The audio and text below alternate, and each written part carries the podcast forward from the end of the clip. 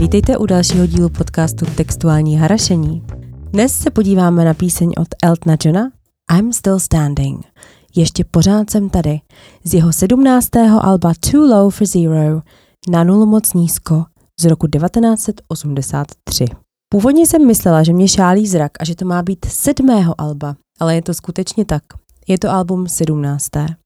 Elton jich zatím vydal 31 a to počítám jako obvykle pouze studiová alba. Sir Elton Hercules John, vlastním jménem Reginald Kenneth Dwight, všichni mu mimochodem říkali Reggie, se narodil v Anglii v roce 1947 a dnes v roce 2023 je mu tedy 76 let. Mimochodem slyšeli jste správně, jmenuje se Sir Elton Hercules John. Elton Hercules John. To je jméno, které si vybral jako stage name. U takto produktivního a dlouho působícího autora bych ráda uvedla pár zajímavostí, než se dostaneme k textu samotnému. Eltonovo turné Farewell Yellow Brick Road je historicky nejvýdělečnějším turné do posud. V díle o karmě Taylor Swift jsme si říkali, že Taylor měla nakročeno k tomu, aby se její poslední turné Eras Tour stalo nejvýdělečnějším. Tak to nakonec o pár milionů nedopadlo, skončila těsně za Eltonem. Takže je druhá. Ale je potřeba říct, že Eltonova tour se táhla přes pět let od roku 2018 do roku 2023 a odehrál během ní 330 koncertů. Eras Tour tvořilo pouhých 56 koncertů a odehrálo se během jednoho letošního roku. To pouhých je samozřejmě v masivních uvozovkách. Ale zpět k Eltonovi. K tomu názvu turné. Yellow Brick Road je cestička ze žlutých cihel z knihy Čaroděj ze země Os. Čaroděj ze země Os je v popkultuře opakující se téma. I v podcastu jsme ho už několikrát zmiňovali. Goodbye Yellow Brick Road je také jedna Eltonova píseň. Tak odtud může proměnit inspirace k názvu turné, kdyby vás to zajímalo. V minulosti měl Elton problémy s drogami, ale od roku 1990 je čistý, což je, pokud dobře počítám, a to není vždycky, 33 let. John si vzal svého dlouholetého partnera, kanadského filmaře Davida Furnishe, v roce 2014, tedy hned jakmile to právní systém Anglie umožnil. Žili spolu už předtím a od roku 2005 byli v registrovaném partnerství. Ale od roku 2014 bylo právě v Anglii konečně možné, aby se lidé stejného pohlaví mohli vzít a říkat tomu svazku manželství jako u heterosexuálů.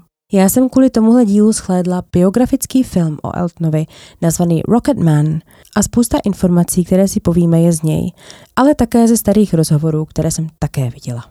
Elton začal hrát už ve třech letech na babičino piano a brzy bylo jasné, že má talent. Začal pak koncertovat na rodinných setkáních ve škole a začal taky pořádně docházet na lekce. V 11 letech získal stipendium na Royal Academy of Music v Londýně, což je jedna z nejstarších konzervatoří ve Spojeném království a údajně dokázal posluchu zahrát několika stránkové skladby a také už tehdy hudbu dokázal skládat. Johnův táta, který sloužil v Royal Air Force, z něj chtěl mít bankéře, eh, nebo spíš kohokoliv, jenom ne Eltona. Pak se ale jeho rodiče rozvedli a Eltonova máma si našla pána, kterého měl Elton mnohem raději než svého biologického tátu a který ho také mnohem víc podporoval. Například mu s jeho mámou pomohl zajistit práci pianisty v jedné hospodě. Od čtvrtka do neděle tam Elton hrál na piano.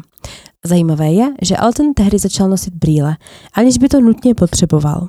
Měl jen zanedbatelnou oční vadu, ale protože chtěl vypadat jako Buddy Holly, americká roková legenda, nosil brýle zbytečně pořád a tak si ty oči nakonec celkem pokazil. A ještě mi to nedá taková malá vsuvka k těm vintage rozhovorům. Jak jsem se jimi teď brodila, nemohu se vyhnout srovnání moderátorů tehdy a dnes. Tehdy byli normálně drzí a hnusní na ty svoje hosty.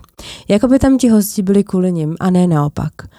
Dneska mi přijde, že někteří moderátoři naopak svou náklonost k hostům lehce přehání, dobře, těžce přehání a spousta talk shows je pro mě osobně nekoukatelná. Taková relikvie z minulosti ale je podle mě Ellen DeGeneres, která zůstala na hosty hnusná doteď. Akorát se jí to z nějakého důvodu dlouho tolerovalo. Pak se ale postupně začali ozývat zaměstnanci a pak i někteří hosté. No ale to už si bavíme o něčem jiném, takže zpět k tématu. Elton v rozhovoru s Larrym Kingem přiznal, že stejně jako princezna Diana trpěl bulimí. Elton totiž hrál na jejím pohřbu. Asi všichni znají jeho Candle in the Wind, původně napsanou pro Normu Jean, neboli Marilyn Monroe.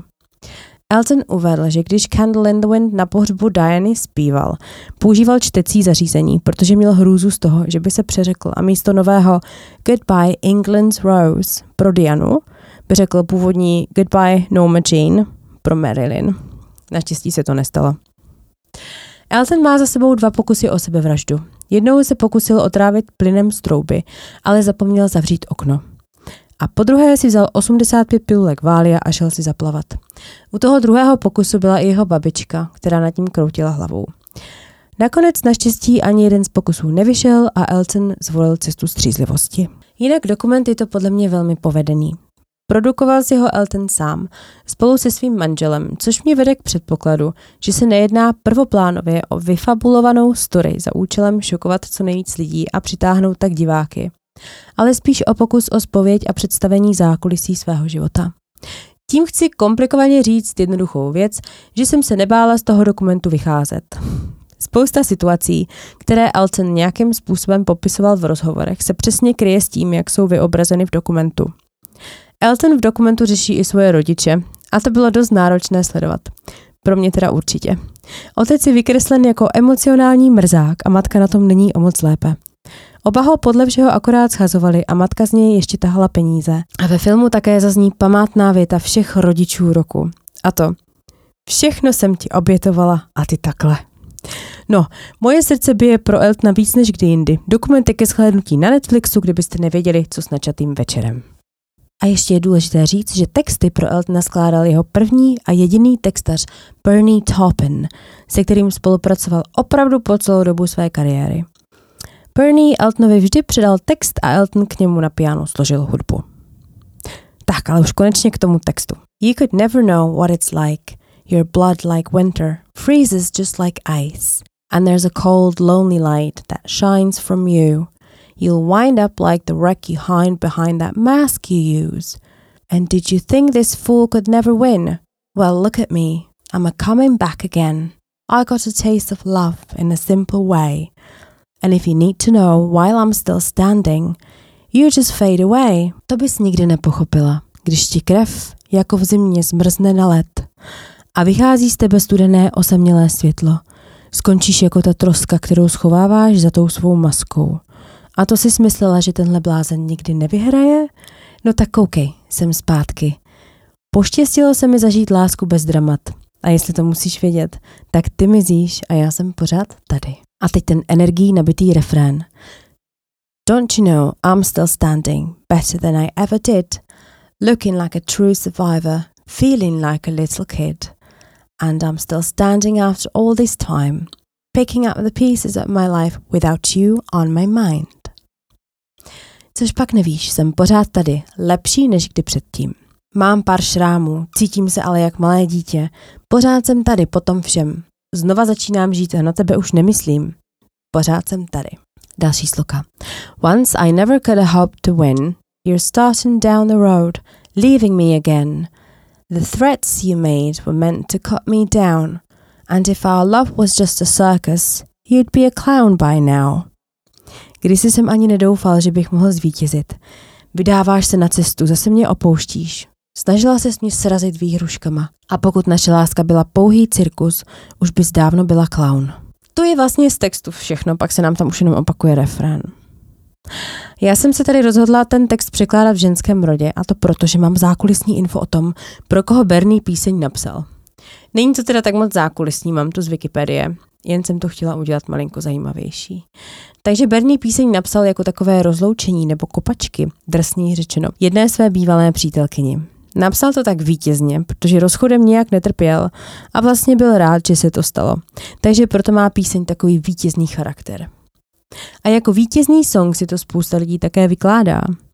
Panoušci v písni vidí odkazy na Eltonovu nezlomnost. Možná i proto, že jeho předchozí čtyři alba před Too Low for Zero nedosáhly žádných velkých úspěchů a až tomuhle dalšímu albu v řadě se začalo dařit. Textař Bernie k textu dál uvedl, cituji. Tahle píseň je jen další příklad toho, jak si jednotliví lidé interpretují texty po svém.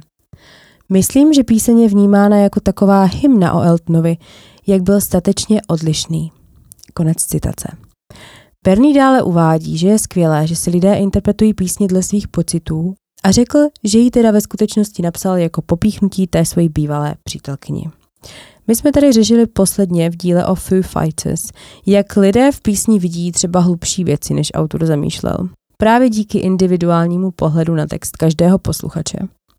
A v tom je nesmírná krása. Tak, něco málo o videu. Video je osmdesátková klasika s gay šmrncem. Natáčelo se ve Francii, konkrétně v Cannes a v Nice a je plné spoře oděných a nabarvených tanečníků. Je to opět jedno z prvních videí, které pouštila tehdy pár let existující stanice MTV, což písním obecně tehdy hodně pomáhalo, když měli videoklip, který se hodně pouštěl dokola. A nemohu nezmínit cover verzi I'm Still Standing z pera Michala Bukoviče, kterou napsal pro samotného Karla Gota a která dostala název Mám Still Chandy. Karel Gott tedy píseň naspíval a myslím plným právem získala tahle jejich verze punt z pravého hudebního bizáru. Mám styl Chandy. Je něco, co podle mě musel napsat někdo procházející tvůrčí krizí. Zbaven veškeré kreativity, prost úsudku a plný závisti vůči Chandovi. Tak jestli se chcete obohatit, puste si Chandu, odkaz je v popisu. Tak, já doufám, že vám dnešní textuální osvěta bodla a budu se moc těšit zase příště.